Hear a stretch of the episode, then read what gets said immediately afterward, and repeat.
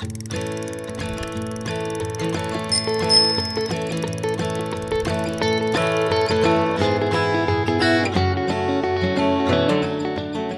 livet bare bedre på en børnecykel? Hvorfor skal vi som forældre gå op i, at vores børn kan cykle eller ej?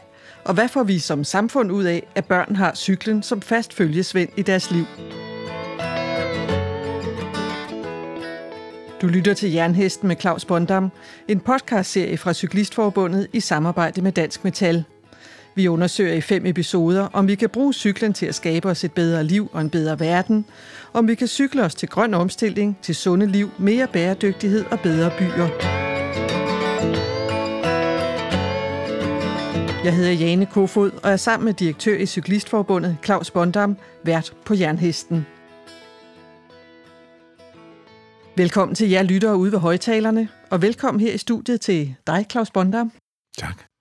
Vi er nået til tredje afsnit af Jernhesten, og denne gang skal det blandt andet handle om børn og børnecykling, og hvordan vi hjælper vores børn til at blive seje og sikre børnecyklister. Claus, prøv lige at sige mig, hvordan var det egentlig med dig øh, og cyklen, dengang du var barn? det var nærmest skrækindjagende, forstået på den måde, at øh, altså, jeg er født og opvokset på landet, og øh, øh, da jeg første gang øh, smed øh, støttehjulet, som jeg ikke tror, der er så mange børn, der bruger i dag længere. Det tror jeg, du har ret i. Ja, men jeg havde et støttehjul, og så blev det pillet af en dag, og så skulle jeg så køre en, ned ad en lille bitte bakke, uden støttehjul. Og jeg blev så skræmt, så jeg tog hænderne op for øjnene og kørte lige ind i en lygtepæl. Og græd og øh, slog selvfølgelig, altså så det blev lidt på mit knæ. Det virkede lidt som om, at du ikke helt havde den cykelsikkerhed, der skal til, før man bliver sluppet af sted på, øh, men, på men, den men, måde. Men samtidig så kan man sige, som nogle af vores øh, cykellejekonsulenter i, i Cyklistforbundet jo siger, at når man er ude at lege cykellej, så er det meget godt at have lidt hæfteplaster med. Og man dør jo ikke af at få en lille en lille skram på, Nej, på, det gør på man knæet. altså ikke. Ja. Nej. Jeg har faktisk også ret stærke minder om at cykle som barn. Både at jeg i årvis cyklede til alt det forskellige sport, som jeg gik til. Og så også især at min bedste veninde Hanne og jeg, vi brugte cyklen, når vi legede. Mm. Og øh, vi legede for eksempel, at øh, cyklerne var vores heste. Og så cyklede vi ned til et bestemt sted i parken, hvor der var en, en lang og snodet trappe med nogle meget brede, øh, brede og lave trappetrin. Og så cyklede vi nedad der og lod som om, at vi travede på vores heste. Så vi cyklede ja. ned og rundt og op og ned og rundt og op. Og jeg husker det som fantastiske ja. sommer eftermiddag. Det lyder dejligt. Men desværre så er det jo faktisk øh, slet ikke sikkert, at øh, børn i dag har cyklen som, øh, som den form for fast følgesvend i deres hverdag. I Cyklistforbundet, der hører vi for eksempel ofte fra de lærere, som vi har kontakt til i vores skolekampagne Alle børn cykler, at, at det faktisk ikke er så gængs mere. Der er færre og færre børn, der egentlig kan cykle, når de, når de starter i skole. Er det noget, vi skal være bekymrede over, Claus? Det er noget, vi skal være rigtig bekymrede over. Altså, fordi øh, udover at det giver børn en enorm frihedsfølelse og en kæmpe radius, så giver det jo også børn et meget stort ansvar. Altså, det kan godt være, at det er leg, som du snakker om. Jeg kan også godt huske det der at lege på den måde med cyklen. Men man føler sig jo også stolt. Altså, som en lille knægt og sikkert også som en, en lille pige, når man rent faktisk kunne håndtere den der cykel. Altså, den hest. Ja, og jeg lærte det, det jo sidenhen, så jeg ikke faldt, fordi som sagt er landbarn, så, så cyklen var altafgørende for mig, for sådan at, at komme rundt og besøge venner og ned til landsbyen og i svømmehallen og alle sådan nogle ting. Altså, det var måden, jeg kom rundt på. Så er der jo også noget med sundhed. Sundhedsstyrelsen har undersøgt, hvor meget børn bevæger sig i dag, og de har altså kunne konstatere, at børn bevæger sig alt for lidt mm. i forhold til den time om dagen, som er deres anbefaling. Faktisk er det kun en fjerdedel af de 11-15-årige, der lever op til Sundhedsstyrelsens anbefaling om at være i bevægelse en time om dagen. En fjerdedel, det er ikke ret mange. Og der er det jo ret interessant at se, at Sundhedsstyrelsen faktisk anbefaler cykling som en rigtig god måde til at få mere bevægelse ind i, i børns liv. Og lige præcis i dag, der skal vi besøge en far, hvis to børn har cyklet på løbecykler, faktisk næsten lige siden de kunne gå som halvanden to år. Vi skal også øh, i dag her i studiet have besøg af Cyklistforbundets børnecyklingsprojektleder, og hun kommer med sine bedste tip og fif til forældre, der gerne vil hjælpe deres børn til at blive seje og sikre børnecyklister. Og til sidst, og ikke mindst, så skal vi møde skuespilleren Ditte Hansen, der er kendt fra Cirkusrevyen, fra tv-serien øh, Ditte og Louise og et hav af andre sammenhænge. Hun er inkarneret cyklist, og hun bruger cyklen og cykelturene til og fra arbejde som idégenerator, og siger, at hun får en masse gode og nogle gange også nogle dårlige idéer på cyklen. Ditte Hansen er kendt for at være sjov, så det var oplagt at spørge hende, hvor sjovt det egentlig er at cykle. det var et sjovt spørgsmål. Det øh, kommer sørme an på omstændighederne, vil jeg sige. I modvind og regnvejr og forsinket, der er det rejsesfuldt. Men på en sommerdag hjem en fredag eftermiddag, hvor man har fri, altså det er da det bedste i verden gennem byen med vind i håret. Og hjem ej, det er det bedste, hvor man lige renser dagen af sig og øh, får, får et øjeblik til sig selv, før man skal være sammen med sin familie og lige sådan fordøje det, man har haft af indtryk i af dagen. Jeg synes, det er, jamen, jeg kan jo tale længere om, hvad det kan bruges til. Om det er sjovt, det ved jeg ikke, men det er dejligt. Vi skal høre mere til Ditte Hansen senere i udsendelsen, for allerførst så skal det handle om noget, som jeg ved, at to børn i Gadstrup syd for Roskilde synes er rigtig sjovt. Her bor Dennis Emil Hasselund sammen med sin familie. Dennis arbejder hos Powerstove ved Roskilde, og der producerer man transportbånd til kufferthåndtering til flybranchen. Men uden for arbejdet, der handler det altså ikke om fly, men rigtig meget om cykling. Hele familien cykler, også de to piger på snart to og fire år, der er ivrige løbecykelcyklister. Og Claus, jeg ved, at du godt ved, hvad en løbecyklist, eller hvad en løbecykel er, som det jo hedder. Men det er nok ikke alle, der gør det, så her kommer det. En løbecykel er en cykel uden pedaler til de helt små børn. Og i stedet for, at man pedalerer rundt, så at sige, så bruger man benene til at skubbe cyklen fremad. Og fordelen med en løbecykel, det er jo selvfølgelig, at børn kan nå jorden med fødderne hele tiden, i modsætning til dig, da du cyklede afsted ned ad bakken. Øh, man, kan nå fødderne, man kan nå jorden med fødderne hele tiden, og så kan man stille og roligt få den der balance, som det kræves på en øh, cykel med pedaler. Og med det på plads, så skal vi høre, hvor meget cyklen fylder hos familien Hesselund, som vores producer Jørgen Schlosser har besøgt. Jamen, jeg har fire cykler. En hverdagscykel, en vinterracercykel og en sommerracercykel og en tricykel. Hvad, hvad er det sidste? Det er en enkeltstartcykel, som er lavet på en lidt anden måde, fordi når man er underlagt regler inden for triathlon, så øh, er der ikke lige så mange regler, som når man kører for eksempel prolog i Tour de France. Eller... Og du kører triathlon? Yes, det gør jeg.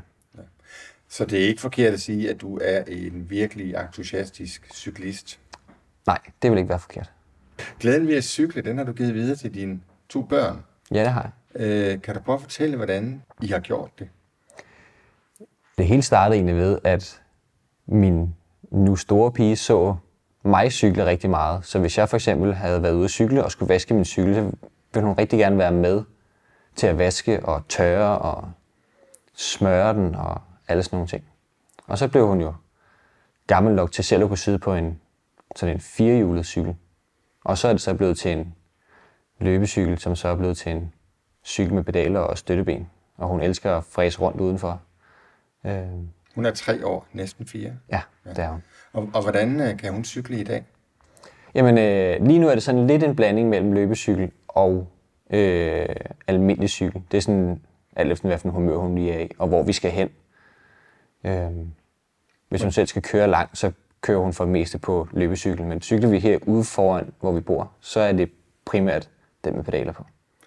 Hvad er det, du oplever, når man øh, bruger den der løbecykel? Hvad, hvad er det, den giver dem, synes du? Ja, altså, den giver dem ligesom startskud til at komme over på en rigtig cykel, og så lærer de sådan lidt det der med at holde balancen, og altså, hun elsker også at køre ned ad bakke. Vi har sådan en bakke bag vores hus, hvor at vi nogle gange bare har kørt op og ned og op og ned. For hun får den der føling af at køre uden at, uden at røre jorden med, med fødderne. Ikke? Jeres øh, ældste pige, altså hvor ofte cykler hun så nu?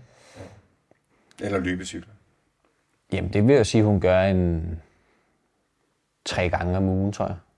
Minimum. Og, men det er, jo, det er jo tit det med, når vi kommer hjem fra børnehave, så spørger hun selv, om hun ikke lige må cykle lidt ude i vores... Vi har sådan en lukket vej, hun kan ligge og køre rundt på. Så sætter, jeg, så sætter jeg mig derud sammen med hende, og så nogle gange er det løbecykler, nogle gange er det den anden cykel, og så er hun jo helt vildt stolt, når hun øh, har lært at bremse med fødderne, eller så ligger hun kører rundt i cirkler derude. Ikke? Så det er tit, hvor vi kommer hjem fra børnehave, og så vil hun gerne lige ud og lige cykle lidt. Eller nu bor min svigerforældre ikke så langt væk, så vil det også tit, hvis vi kører derover, så kører hun på sin enten den ene eller den anden cykel. Ikke? Claus, ved du egentlig, hvad der kom først? Løbecyklen eller pedalcyklen? Det gør løbecyklen, det ved jeg. Ved du også, hvem der opfandt løbecyklen? Det ved jeg faktisk også godt. Ja. Ja, Ja. øh, fordi vi for et par år siden fejrede vi 200-året for øh, Karl, Karl Dreis, Theodor Karl Dreis, tror jeg ned. Von Sauerbrunn. Ja, okay, ja.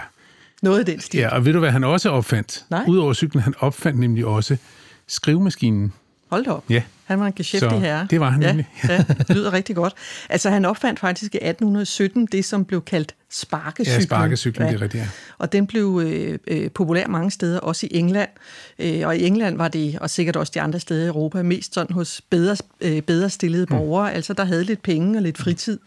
Øh, og, øh, og i England, der blev den kaldt som hobbyhorse, ja. eller dandy horse, ja. synes jeg er skægge ja. betegnelser. Cyklen, som vi kender i dag, øh, altså den med pedaler, den blev konstrueret i 1839 af en skotte, der hed Kirkpatrick Macmillan, and the rest is history, som man jo siger. Lige bestemt, ja.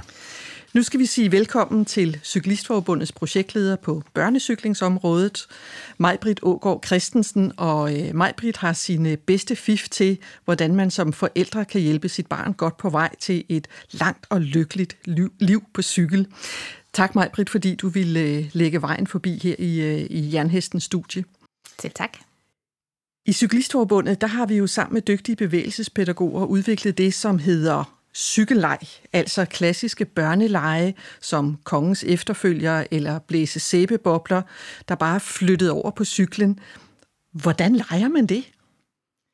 Jamen, øh, hvis vi starter med sådan noget som kongens efterfølger, det er jo en øh, leg, de fleste husker, øhm, så kan man, øh, lad os sige, man var øh, Dennis, som skulle ud og lege med sin, øh, sin lille pige på løbecyklen, så kan man starte med at være kongen selv, der løber foran.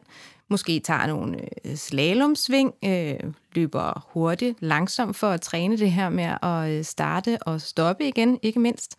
Og så kan man, øh, i takt med at barnet bliver øh, ældre og bedre og bedre, så kan man bygge på, selv hoppe på cyklen, øh, hen ad vejen måske endda bytte roller.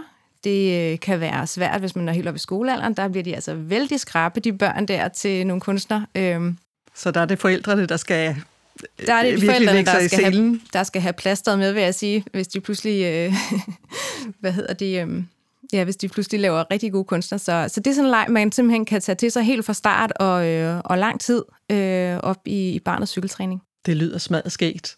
Hvad med blæse sæbebobler? Hvordan fungerer det på cykel? Jamen altså, unger, de elsker jo sæbebobler. Øhm, og, øh, og der kan man jo tage den helt øh, gamle håndholdte, hvor man blæser en af gangen. Man kan også købe en maskine, så der kommer lidt mere øh, gang i den. Øh, og så er det igen noget med at lade børnene fange sæbeboblerne, men selvfølgelig på cykel. Og øh, det kan man også variere med, at de skal starte med bare at prøve at køre rundt imellem dem. Men så efterhånden, så er der måske en udfordring ved at skulle øh, gribe den med hånden. Så træner man det her med at tage en hånd af styret og holde balancen. Øh, måske skal man fange med skoen, med næsen, med hjelmen. På den måde flytter man hele tiden balancepunkterne for, for barnet, øh, og så øh, får de altså virkelig god styr på, øh, på den balance der. Du har jo leget cykelleg med børn i forskellige sammenhænge mange gange. Altså, hvad, hvad er din erfaring, når, øh, når, når, når små og lidt større børn bliver udsat for kongens efterfølger og øh, blæse sæbebobler på cykel for eksempel?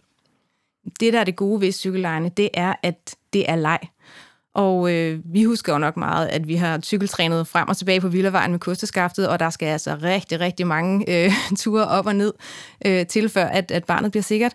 Og der er lejen bare en super god måde, fordi barnet vil de her gentagelser. De elsker, de kan simpelthen fange de der sæbebobler i timevis. Øh, så det giver bare en rigtig god motivation, og så lærer de det ind stille og roligt med de her rigtig mange gentagelser, de skal have på en god måde.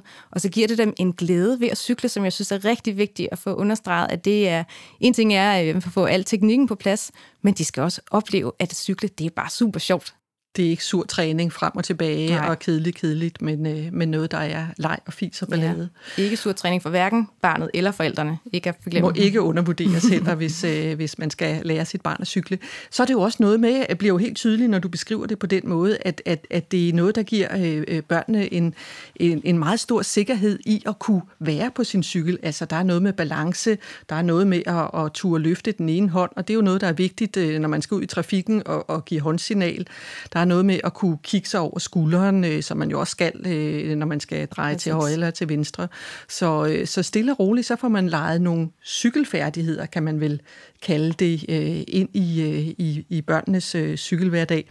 Vi har jo netop hørt øh, Dennis Emil Hesselund fortælle om sine to piger, der hoppede på løbecyklen faktisk før de blev to år. Mm. Er det en god alder at starte med løbecyklen? Ja, det kan man sagtens. Det er jo selvfølgelig ikke sådan, at de bare hopper på, og så drøner de der af. Det tager tid, og det tager rigtig meget tålmodighed for forældrene, ikke mindst, til at gå de der mange ture, der skal til. Men, øh, men altså gå til det, øh, som, øh, som en, en, øh, en ting, I har med, og så tage nogle små ture, tage den ud i haven, øh, stille og roligt bygge på, øh, og så lige pludselig så øh, har de knækket koden, og så kan de netop rigtig nemt gå fra løbecyklen og til pedalcyklen, fordi de har bare fået super god balance. Så ikke noget med nogle støttehjul, bare løbecykel. Bare af på Yes. løbecyklen. Hvad så, når børnene bliver lidt større, altså og måske skal starte i skole, eller måske allerede er startet i skole, øh, og skal til at navigere rundt på en cykelsti og i trafikken? Hvad gør man så som forældre? Ja, fordi det, vi har talt om nu her, det er jo det, vi siger, at cykelsikkerhed, det er cykelfærdighederne, der gør, at du kan du har øh, styr på din cykel til, at du øh, mentalt har overskud til også at huske på regler og sådan nogle ting, for det skal jo til, når man skal ud i trafikken og øve sig, og det skal man også bruge øh, lang tid på. Øhm, og der er vores råd simpelthen, at øh, starte med nogle sikre ruter, altså hvis der er cykelsti, øh, måske på nogle skovruter, begynder stille og roligt indarbejde de her øh, trafiktegn, selvom man måske ikke er ude i trafikken, øh, og så stille og roligt få, øh, få, få arbejdet skolevejen rigtig godt og grundigt igennem, lave nogle aftaler med barnet om, hvad gør vi, når vi skal krydse en stor vej, øh, hvad gør vi, hvis vi skal til venstre, eller sige, vi kører kun på, øh, på de lukkede stier, hvis der nu er nogen øh, sådan der, hvor man, man bor på en skolevej. Så er den anbefaling simpelthen givet videre. Tak til dig, øh, Maj-Britt Ågaard Christensen. Og skulle der nu sidde en forælder derude, eller en bedsteforælder, eller onkel, eller moster, eller en anden voksen, og tænke, at det der med børnecykling og cykelej, det må jeg bare vide meget mere om, ja, så er det bare at gå ind på cyklistforbundet.dk-forældre. Her er et helt univers med film, guides, forslag til endnu flere cykelleje. Og så skal man huske på, at man kan også lege cykelleje, når man er voksen. Gør du Og det man nogle kan, gange? Jeg har gjort det en enkelt gang, og det var helt vildt sjovt, og man kan også lege det sammen med børn. Det er nemlig rigtig sjovt. Ja. Hvis vi nu tager en tur op i helikopteren, Claus, altså fordi vi kan høre, at det er super sjovt øh, med børn at cykle, og det burde jo i virkeligheden være, være grund nok for forældre til at, at lære deres børn at cykle. Men hvis vi lige tager en tur op i helikopteren, hvorfor er det så vigtigt at bakke op om børns cykling? Ikke bare som forældre, men som samfund. Først og fremmest, fordi det giver børn en selvstændighed. Og, øh, øh, og selvstændighed er jo en god ting at have, også når man bliver ældre og voksen. Øh, altså, øh, og samtidig så ligger det hele fundamentet for nogle fornuftige transportvalg. Altså, vi plejer i Cyklistforbundet at sige, at en tidlig cyklist er en varig cyklist.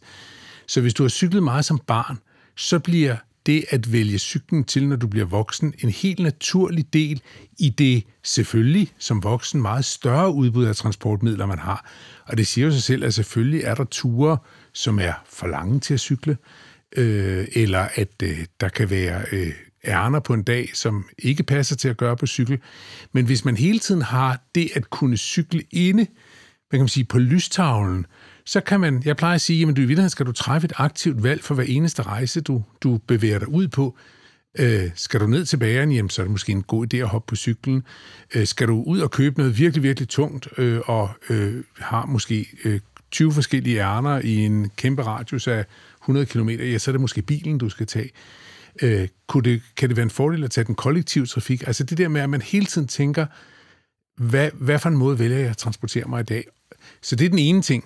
Den anden ting, det handler om sundhed. Altså det, det, det handler simpelthen om, at øh, altså nu nævnte du de der tal før fra, fra Sundhedsstyrelsen og, og Søren Brostrøm om, at kun 26 procent af de 11-15-årige lever op til Sundhedsstyrelsens anbefalinger. Udfordringen er jo, at vi snakker jo lige bestemt om en alder, altså voksealderen. det er nogle af de allermest formative øh, år i dit liv. Altså det er der, hvor du opbygger den der grundmodstandskraft, øh, grundfysiske øh, form. Og, øh, og det er dybt bekymrende, at vi jo hører om flere og flere unge, som øh, ikke cykler. Der er jo også undersøgelse på undersøgelse, der viser, at, øh, at børn, der bevæger sig i, hverdagen, ja. for eksempel cykler til skole, de klarer sig meget de bedre har, skolen. De klarer sig bedre ja. i skolen, ja. de har en bedre ja. evne til at, altså deres evne ja. til at koncentrere sig er, er simpelthen større. De, de har et, et større overskud. Og så i forlængelse af det, Maja Batista, altså netop det der med som forældre også at øh, have den tålmodighed med at lære børnene at cykle, for det er ikke noget, der er overstået på en weekend eller tager en sommerferie. Det er en lang, lang, lang proces, og børn er vidt forskellige også i forhold til, hvad de kan kapere. Og så ligger der også noget med det med at lade sine, altså også have modet som forældre at lade sine børn komme ud i trafikken. Forældre har et stort ansvar. Øh, det, det, det, står, ja. det står klart her. Men, men er det gjort med det? Er det gjort med at sige, kære forældre, I skal sørge for at lære jeres børn at cykle? Eller skal vi som samfund gøre noget andet og mere end bare det? Altså først og fremmest skal vi sørge for, at der er ordentlig... Øh, øh, tryg, øh, sikker, adskilt, øh, velvedligeholdt cykelinfrastruktur, altså cykelstier, punktum. Vi skal også sørge for, at cykelstierne hænger fornuftigt sammen, således at det er nemt at komme fra boligområdet til skole, til fritidsaktiviteter, til kollektiv trafik osv. osv. Og samtidig skal vi også være opmærksom på, hvad det er for en trafikkultur, vi har derude. Ikke? Altså, der er rigtig mange bilister, og også cyklister, men der er rigtig mange bilister, som har øjnene i mobiltelefonen og alle mulige andre steder hen, end at være opmærksom på, hvad der sker omkring dem.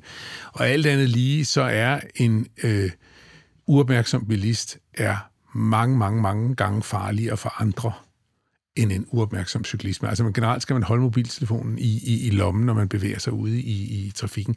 Så, så jeg vil sige, at, øh, at, øh, at der er også nogle udfordringer omkring det. Der er alt for mange, der kører alt for stærkt. Øh, øh, der er alt for meget øh, trafik omkring øh, skoler, øh, altså hvor, hvor, hvor, hvor, hvor både skoler og forældre og i øvrigt også børn bliver nødt til at, at tage en snak med hinanden om, jamen kunne det måske være hyggeligere, at vi cyklede sammen? At du cyklede mig ned til skole og fulgte mig, før at jeg får lov til at køre alene. Så der er i virkeligheden mange, der har et rolle og et ansvar i det her. Ikke kun mange. forældre, Nej. det er også politikere, ja. det er bilister, det er skoler, Skolerne. det er ja. og så videre. Ja. Anbefalingen er hermed givet videre til hele paletten rundt øh, og gøre, hvad man hver især kan gøre i forhold til at bakke op om, øh, om børns cykling. Og nu skal vi møde en, som synes, at livet er bare bedre på cykel. Det er skuespiller, forfatter, komiker Ditte Hansen, som for tre år siden solgte sin bil og siden har cyklet til det meste. Hun fortæller her om sit cykelliv til vores producer Jørgen Slosser. Jeg har én cykel. Jeg kan ikke huske, hvad den hedder. Men øh, den er rødbrun, og så har den et lille lad foran, øh, og så har den tre gear og en håndbremse. Det er en damecykel. Øh, jeg har haft en elcykel, øh, fordi jeg arbejdede på Sivusrevyen og havde 17 km til arbejde. Og der synes jeg, at for at jeg skulle tage den cykeltur, så havde jeg brug for lidt hjælp. Og jeg tænkte, det var jo bedre med lidt hjælp end slet ikke at cykle.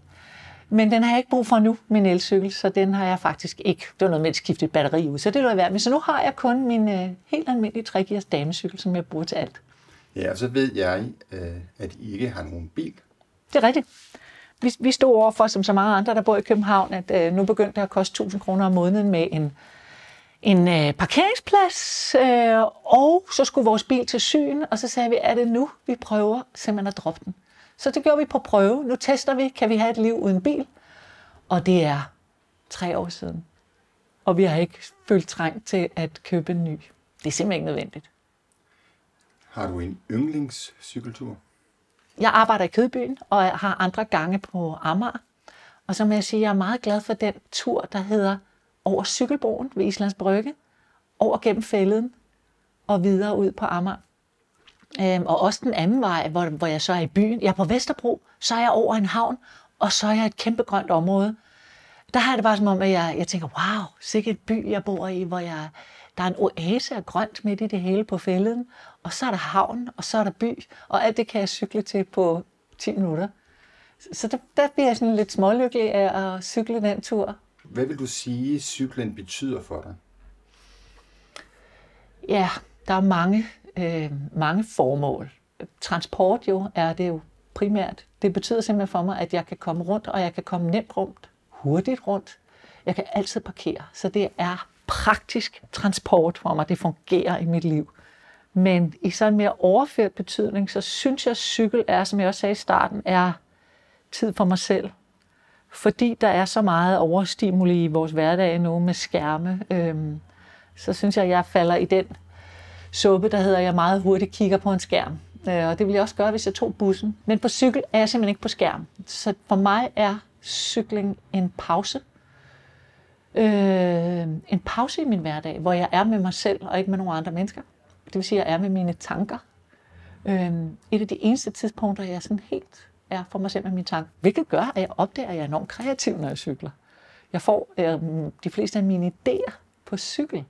Både gode og dårlige idéer får jeg på cykel, men jeg får mange idéer til det, jeg så nu. Nu er jeg ved at skrive tv-serie, så rigtig meget er opstået på cykel. Det opstår ikke, hvis jeg lytter på podcast. Nu skal jeg ikke sige noget dårligt om podcast, men jeg, jeg prøver også indimellem ikke at øh, lytte til musik, eller lytte til podcast, eller radio, når jeg cykler. Hvis jeg har lange ture, tager jeg tit noget i ørene. Men det er altså også det der med, at der slet ikke er noget stimul. At der kun er mig og mine tanker. Og trafikken. og vinden i hovedet. Så den pause, eller den, det meditative rum, jeg får, når jeg cykler, det er altså helt sjældent i min hverdag. Hvad synes du om vilkårene for at cykle? Det er vel hovedsageligt i hovedstadsområdet. Jamen, jeg synes jo, jeg ved jo, hvad vi er for et land, og jeg ved, at det bliver prioriteret højt. Cyklisme, hedder det cyklisme? Mm. Cyklisme bliver. Det er en isme. det er en isme. Hvor søren flot. Øhm, vi har masser af cykelstier. Jeg har boet i USA, øh, da jeg var ung, og øh, jeg kunne jo ikke, jeg blev frarådet hele tiden at cykle. Så må jeg ikke nok cykle. Og folk siger, du kan da ikke cykle, det er jo farligt, fordi der var jo ingen cykelstier. Øh, og her er der jo så mange anlæg for, for cyklister. Øhm, når det er sagt, så synes jeg, nu bor jeg lige ved Dybelsbro. Og jeg, jeg kan tage mig da selv til hovedet over, at man laver nogle vilkår, hvor cyklister øh, er, udsat i trafikken. At man laver et helt kryds, hvor vi, jeg tror, der er 40.000 cyklister igennem det kryds hver dag, har jeg hørt. Og vi, vi skal alle sammen vende i et kryds, hvor der ikke er plads til sådan en lang hale af. Så nogle gange synes jeg, at, at vores trafik stadig er anlagt, så bilen er det vigtigste. Tænk, hvis nu man tænkte omvendt. At, cyklismen, at, cyklisten, at cyklisterne havde første prioritet i trafikken. Og, kryds. og fodgængerne måske. Og fodgængerne, selvfølgelig. Altså, skal vi bare sige fodgængerne først. Og så cyklisterne. Men så bilerne. Bruger du hjelm? Ja, jeg bruger hjælp, øh, og jeg kan sige det. Det er simpelthen på den måde, at min mand, han sagde til mig, at hvis jeg bliver kørt over og bliver lam, så går han fra mig, hvis jeg ikke havde cykelhjelm på. Hvis jeg havde cykelhjelm på, og jeg bliver kørt over og bliver lam, så bliver han. det er det pres, så bliver han til den bedre ende. Så det, han har simpelthen presset mig til, siger jeg, til du dør. Lige meget hvor slemt det er, så bliver jeg, hvis du har cykelhjelm på. Og det er jo selvfølgelig sagt helt humoristisk. Det er jo fordi, han elsker mig, og han ikke vil have, at jeg kommer til skade. Så det er hans måde at sige, du må for helvede ikke blive kørt over, så jeg mister dig. Så derfor brug nu cykelhjelm. Og det har altså virket, synes jeg. Og han kan også finde på at kigge sådan meget øh, øh, romantisk på mig, når jeg har den cykelhjelm på. Og det synes jeg bare, at vi skal huske rundt omkring i vores parforhold. Det der med, fordi vi føler altså, at det er lidt kikset, og det er blevet sådan, cykelhjelm er blevet til en lidt kikset ting. Så prøv at, øh, at kigge på din partner med nogle varme øjne, når de har cykelhjelm på. Sådan lidt, du ser godt ud i dag. -agtigt. Det synes jeg godt, man kunne begynde at dyrke lidt. Claus, det her med at kigge romantisk på sin partner med cykelhjelm på, er det en øh, anbefaling, du kan give videre? Nu er jeg gift med en, som øh, cykler meget lidt, øh, hvis øh, jeg skal være helt ærlig. Altså Jakob, som jeg er gift med, han er ikke nogen stor cyklist, og sådan har vi jo alle sammen vores udfordringer i hver vores ægteskab. Men jeg synes, det er dejligt, at, at, at øh, øh og og Benjamin har det sådan, at, at de kan gøre det. Jeg kører også altid med cykelhjelm, øh, fordi det er nu engang, øh, altså det er en, synes jeg, er en god forsikring at, at have, og det, øh, jeg lader altid min cykelhjelm hænge på styret, når jeg parkerer min cykel, altså for jeg har aldrig hørt om nogen mennesker, som foretager et berigelsestyveri af cykelhjelme. Og med det, lige præcis det, er vi nået til vejs ende af denne udgave af Jernhesten. Næste udgave kommer til august, og det kommer blandt andet til at handle om den elcykelrevolution, som vi er lige præcis midt i. Vi undersøger, om man kan skibe sin bil og få hverdagen til at hænge lige så godt sammen med en elcykel eller en elladcykel. Tak for nu, og pas godt på hinanden i trafikken.